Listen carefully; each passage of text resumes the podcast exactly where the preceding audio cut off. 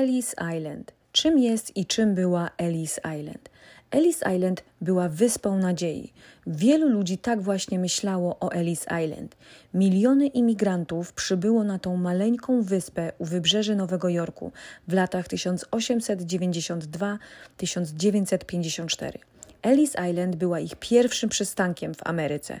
Dopóki przez nią nie przeszli, przybysze nie mogli postawić stopy na terenie Stanów Zjednoczonych.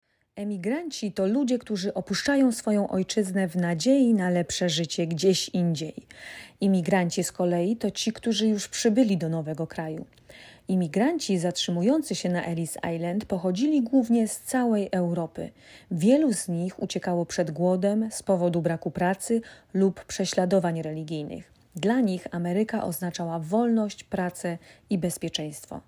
Ameryka była na ustach wszystkich. Rozmawialiśmy o Ameryce, marzyliśmy o Ameryce, wszyscy mieliśmy jedno życzenie być w Ameryce, powiedział jeden z chłopców, który przyjechał z Polski. Imigranci podróżowali przez Ocean Atlantycki stłoczeni na statkach, które płynęły około 10 dni, aby dotrzeć do Ameryki. Po ciężkich dniach na morzu, gdy podpływali do Nowego Jorku, widzieli dwie małe wysepki. Jedną z nich była Liberty Island, gdzie statua wolności trzymała w górze płonącą pochodnię na powitanie. A drugą była Ellis Island, oddalona zaledwie o kilkaset metrów. Tam powitanie nie było już tak przyjazne. Ellis Island była miejscem, gdzie sprawdzano imigrantów, czy są zdrowi i czy nadają się do pracy. Większość przechodziła testy, mogli swobodnie zejść na ląd i rozpocząć nowe życie. Jednak na przestrzeni lat co najmniej 250 tysięcy imigrantów nie przeszło testów i nie zostali wpuszczeni do Stanów Zjednoczonych. Odesłani na statki wracali tam, skąd przybyli. Z tego powodu Ellis Island zyskała swoją drugą nazwę Wyspa Wes. Na początku Ellis Island była tylko małym skrawkiem pustej ziemi. Miejscowi rdzenni Amerykanie nazywali ją wyspą Mew. Mewy były jedynymi stworzeniami, które tam żyły. Później niejaki Samuel Ellis, farmer, kupił tą ziemię. I chociaż później sprzedał ją, wyspa zachowała jego imię aż po dziś. W 1808 roku nowym właścicielem wyspy został rząd Stanów Zjednoczonych. Stany Zjednoczone przez większość XIX wieku nie kontrolowały nowych imigrantów. Dla każdego, który chciał przybyć do Ameryki, drzwi były otwarte. Do połowy XIX wieku napływ imigrantów był dość powolny. Potem ogromna fala ludzi zaczęła napływać do kraju. Dziewięciu na dziesięciu pochodziło z Irlandii, Anglii lub Niemiec. Między 1845 a 55 rokiem ponad milion irlandzkich imigrantów przybyła do Ameryki. W Irlandii zaraza zrujnowała uprawy ziemniaków. Około milion Irlandczyków umarło z głodu, a ten straszny okres stał się znany jako głód ziemniaczany. Do 1855 roku Irlandia straciła jedną czwartą swojej populacji z powodu śmierci lub emigracji i wówczas ogromna fala Irlandczyków przypłynęła do Nowego Jorku i Bostonu.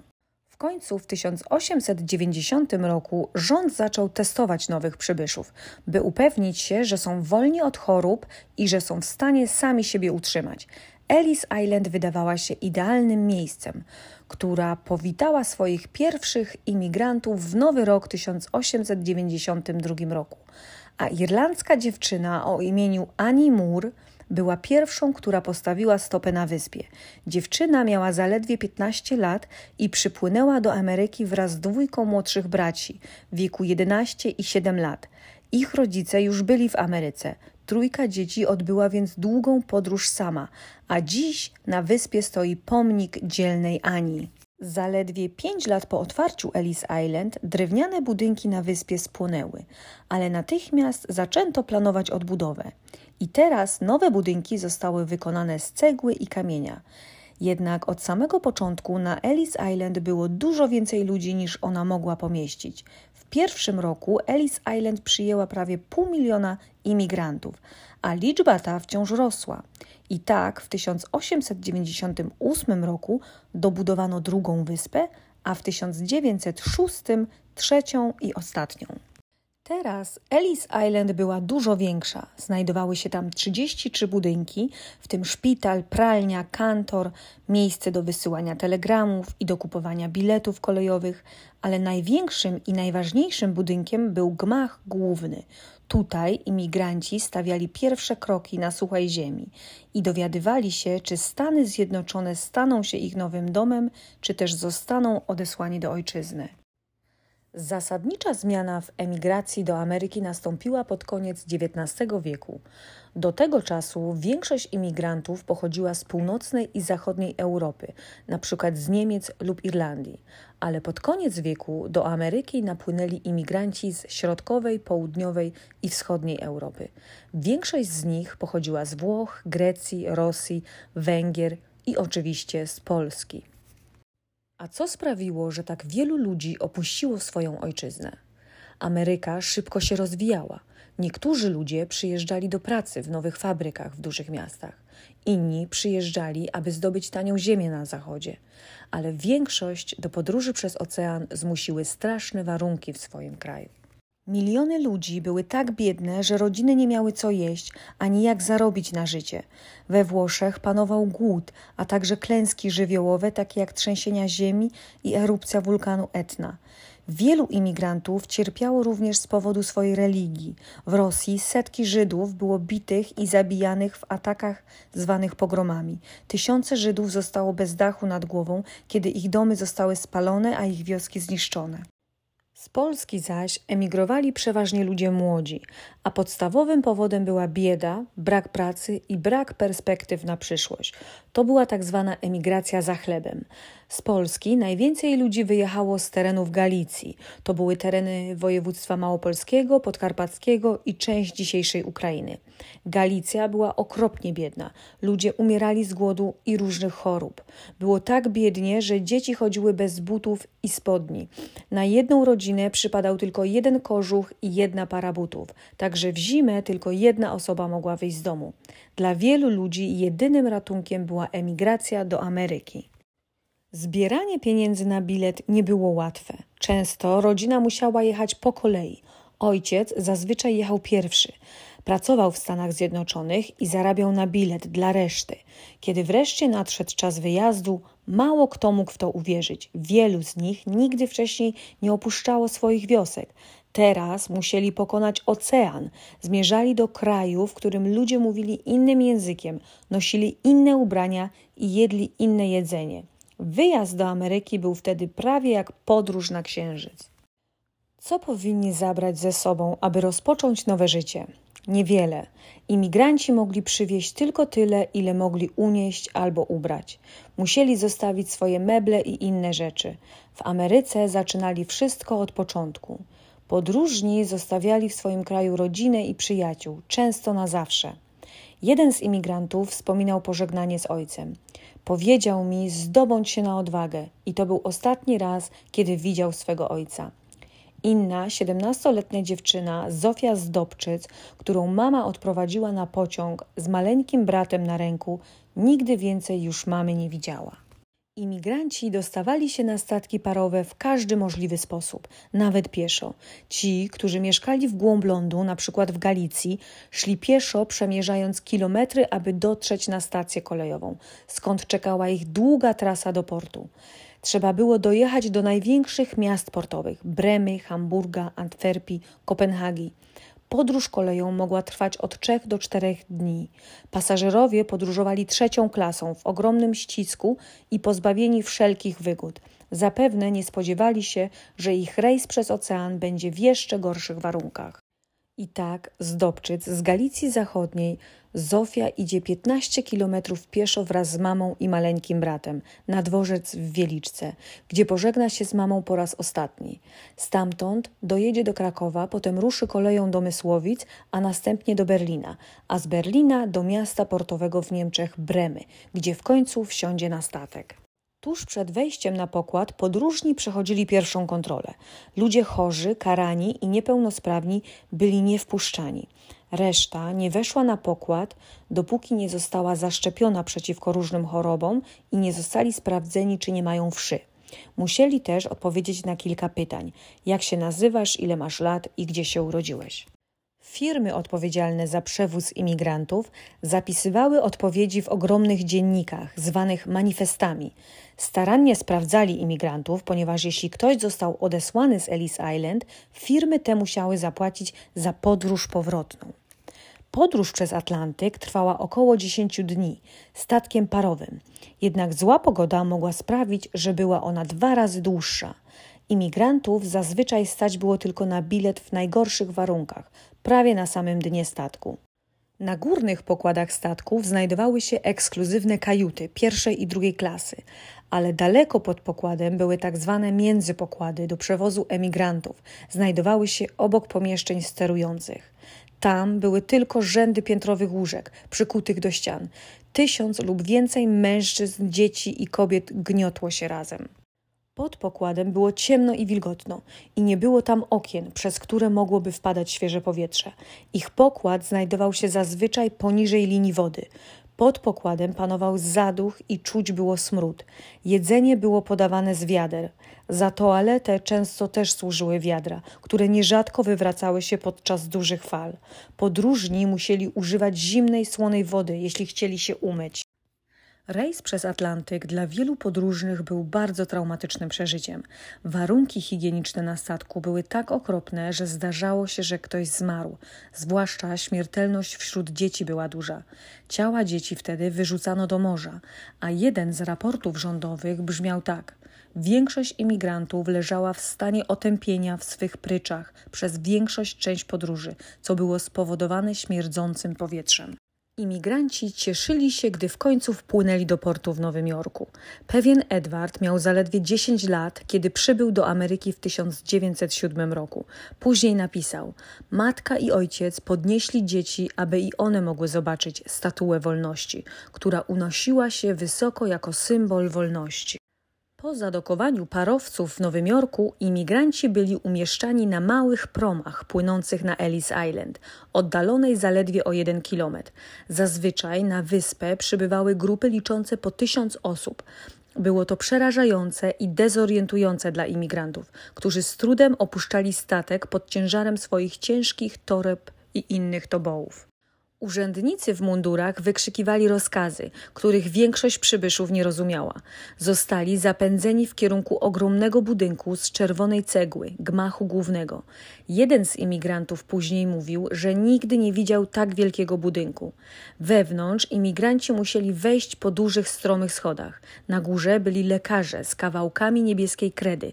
Sprawdzali, czy imigranci wyglądają na zdrowych czy kuleją, czy kaszlą, czy ich oczy są czerwone, czy mają jakieś choroby skórne. Jeśli był jakiś problem, lekarz pisał kredą literę na plecach. Na przykład H oznaczało problem z sercem, E chore oczy i tak dalej. Oczywiście znaki kredą oznaczały kłopoty. Część imigrantów była zabierana na bok i prowadzona na dalsze testy. Dzieci z takimi znakami zabierano od rodzin. Jeden z imigrantów wspominał, jak dziecko zabrano od matki. Matka trzymała dziecko i śpiewała. Nagle lekarz i dwie pielęgniarki zabrali jej dziecko. Matka nie umiała mówić po angielsku, a oni mówili do niej po angielsku. Mówili, że dziecko musi iść do szpitala. Wszyscy płakali. Imigranci bez śladów kredy na plecach czekali w kolejce na szybkie badania lekarskie. Po badaniu wchodzili do wielkiej sali, aby oczekiwać na kolejne testy. W środku panował ogłuszający hałas, a mieszanka języków odbijała się od wysokiego sufitu.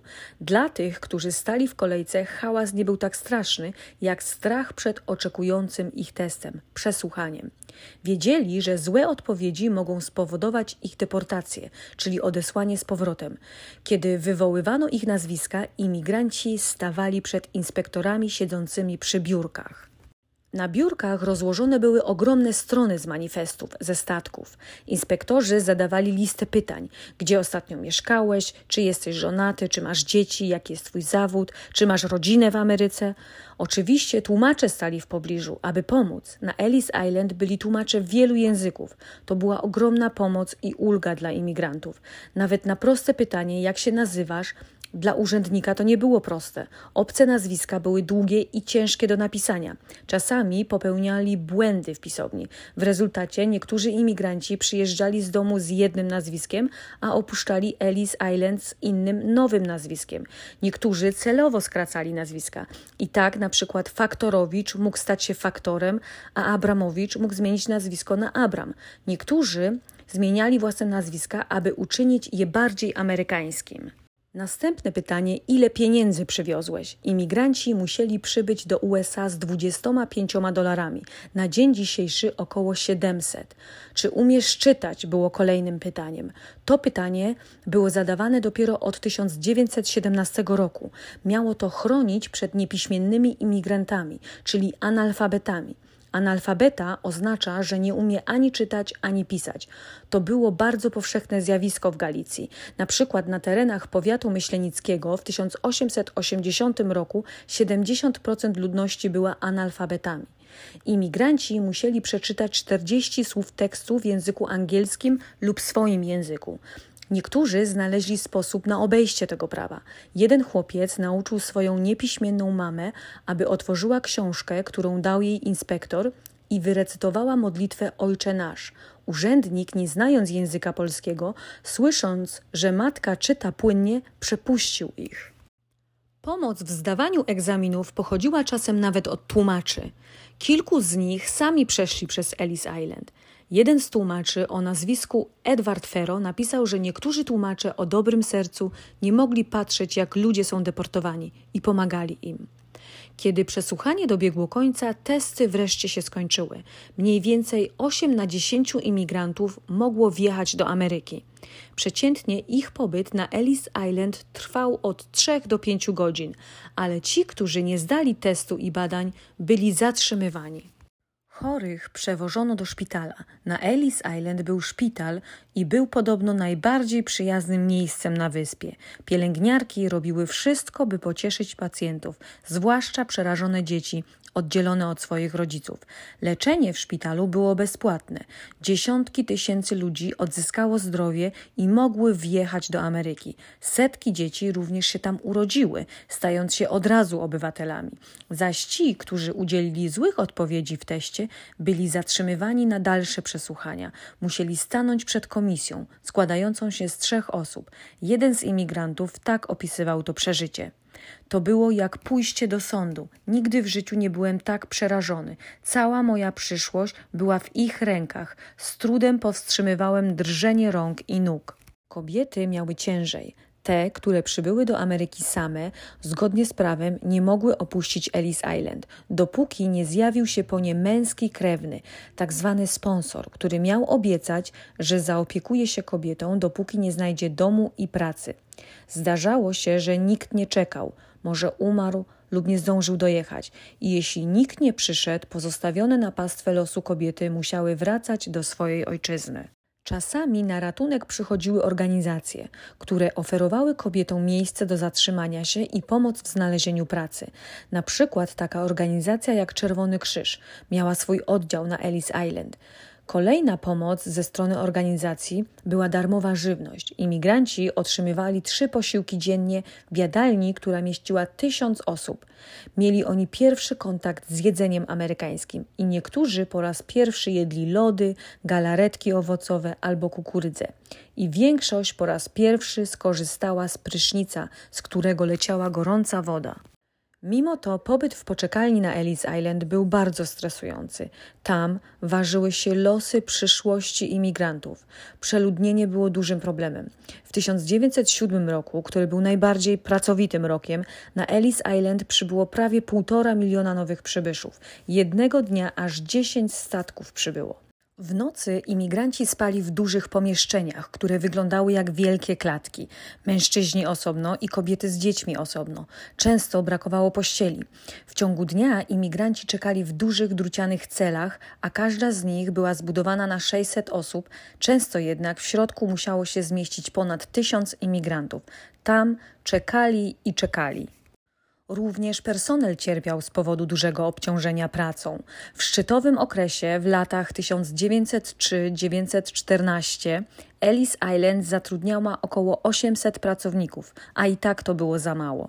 Oprócz inspektorów, tłumaczy byli także bagażowi, lekarze, pielęgniarki, bileterzy, kucharze, personel sprzątający i wiele, wiele innych. Pralnia prała 3000 prześcieradeł i ręczników dziennie, a kuchnia miała problem z przygotowaniem posiłków, gdyż na przykład Włosi nie lubili ziemniaków, Irlandczycy nie jedli spaghetti, a Żydzi musieli mieć specjalne koszerne jedzenie. W rezultacie czasami dochodziło do wybuchów złości, ale zdecydowanie najbardziej smutne było, jeśli ktoś był zmuszony do powrotu do swojej ojczyzny. Większość z nich nie miała nic lub niewiele, by wrócić do kraju. Sprzedali wszystko, co posiadali, aby dotrzeć do Ameryki. Na szczęście na Ellis Island deportowano tylko 2% imigrantów, reszta została. Pozostałym wręczono wielką nagrodę kartę pobytu. Wreszcie mogli zejść na ląd. Ich podróż do Stanów Zjednoczonych dobiegła końca. Teraz zaczynała się nowa podróż. Kiedy opuścili Ellis Island, imigranci rozjeżdżali się po całej Ameryce, aby rozpocząć nowe życie. W 1820 roku populacja Stanów Zjednoczonych wynosiła około 10 milionów, a w 1920 była już 10 razy większa, głównie dzięki napływowi ludzi z Europy, a samych Polaków przyjechało ponad 4 miliony w latach 1870-1920. Większość imigrantów udawała się do wielkich miast, by pracować w fabrykach. Na przełomie wieków gospodarka amerykańska przeżywała rozkwit. W całym kraju powstawały mosty, drapacze chmur i linie kolejowe, a od 1913 roku zaczęto produkować samochody w fabrykach. Większość z tych pracowników to byli imigranci, którzy ciężko pracowali po 12 godzin dziennie. Wielu imigrantów opuszczających Ellis Island podążali blisko do Nowego Jorku, zaraz po drugiej stronie portu. Nowojorskie drapacze chmur i hałaśliwe ulice były zupełnie inne niż w ojczystych wioskach, gdzie chaty były pokryte słomą. Miasto olśniewało każdego przybysza. Ale większość podróżowała dalej, zwłaszcza Polacy. Głównym miastem, w którym osiedlali się Polacy, było Chicago. Na Ellis Island musieli kupić bilet na pociąg. Podróż taka trwała około dwa dni. Miasto rozwijało się w szalonym tempie. W 1850 roku liczyło 30 tysięcy ludzi, a 80 lat później 3 miliony. W Chicago mieszkało więcej Polaków niż w Warszawie. Polacy osiedlali się głównie w pobliżu hut stali oraz gdzie istniał rynek uboju bydła. Imigranci pracowali w tych zawodach, w których nie była wymagana znajomość angielskiego. Pracowali ciężko, po 12 godzin dziennie, 6 dni w tygodniu. W całym kraju praca dzieci była powszechna, ponieważ dzieci imigrantów chciały pomóc swoim rodzinom przetrwać. W 1900 roku prawie 2 miliony dzieci w wieku od 5 do 14 lat pracowało w pełnym wymiarze godzin, zazwyczaj w strasznych warunkach. Dzielnice, w których mieszkali imigranci, były bardzo zatłoczone. Całe ulice były jednej narodowości. Imigranci rozmawiali z sąsiadami w ich ojczystym języku. Przywieźli trochę swojej ojczyzny do Ameryki. A z czasem w polskich dzielnicach zaczęły powstawać gazety, stowarzyszenia pomocy i kościoły. I tak narodziła się Polonia w Ameryce. Niektórzy obywatele Stanów Zjednoczonych mieli im to za złe. Oczekiwali, że imigranci, którzy przekroczyli drzwi Ameryki, powinni porzucić swoje stare zwyczaje i zacząć mówić po angielsku.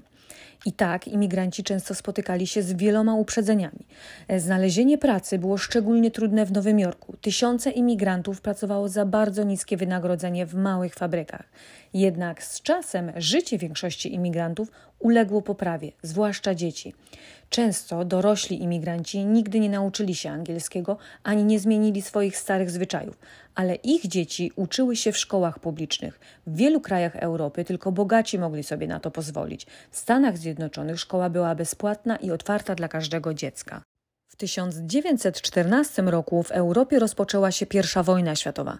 Trwała ona przez cztery lata. Stany Zjednoczone dołączyły do walk dopiero w 1917. Podczas wojny imigracja na Ellis Island spadła prawie do zera. Wyspa w czasie wojny stała się miejscem przetrzymywania wrogów, a szpital na wyspie leczył rannych żołnierzy. Po I wojnie światowej liczba imigrantów ponownie wzrosła, ale rozpoczął się w tym czasie ruch przeciwko imigracji. Obywatele obawiali się o utratę swojej pracy, gdyż imigranci pracowali za niższą wypłatę. W 1921 roku rząd uchwalił ustawę o ograniczeniu imigrantów. Teraz rocznie mogła przybyć do kraju tylko określona liczba nowych imigrantów. Wprowadzono limity roczne. Prawo również faworyzowało kraje Europy Północnej i Zachodniej. Teraz tylko 12 na 100 pochodziło z Europy Środkowej, czyli między innymi z Polski. Zaprzestano też testowania imigrantów na Ellis Island. Testy odbywały się teraz przed opuszczeniem ojczyzny w ambasadach USA. Te biura rządowe zostały założone na całym świecie po I wojnie światowej, kiedy to Stany Zjednoczone stały się światową potęgą. W czasie II wojny światowej Ellis Island była ponownie wykorzystywana do zatrzymywania wrogów obcych państw i leczenia rannych żołnierzy. Po zakończeniu wojny w 1945 roku większość budynków stała pusta. Przez tą małą wyspę, bramę do Ameryki, przewinęło się 12 milionów imigrantów i około 4 miliony Polaków, którzy stali się częścią historii. Wyspa została zamknięta. Po 1954 roku Ellis Island stała się wymarłą wysepką, która była porośnięta w chwasty i krzaki. Wysepkę uznano za miejsce szczególnie ważne dla historii Ameryki. Zebrano ogromne datki od potomków imigrantów i wszczęto pracę nad przywróceniem wyspy do porządku i przekształceniem jej w muzeum. W 1990 roku drzwi Ellis Island zostały ponownie otwarte. Główny budynek jest teraz muzeum. Gmachy budynków wyglądają tak samo jak w tamtych latach. Przez głośniki słychać głosy imigrantów, którzy opowiadają o swoich przeżyciach. Można tam obejrzeć rzeczy należące do byłych imigrantów, m.in. zdjęcia, zabawki dziecięce, ubrania i wiele innych. Każdy może również poszukać swoich krewnych w interaktywnych zapisach z manifestów ze statków. Dziś korzenie czterech na dziesięciu Amerykanów sięgają do Ellis Island.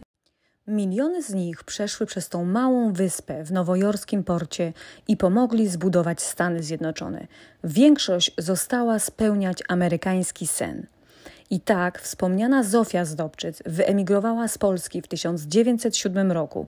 Tam wyszła za mąż za Władysława Kańskiego, który kilka lat wcześniej podążał tą samą trasą.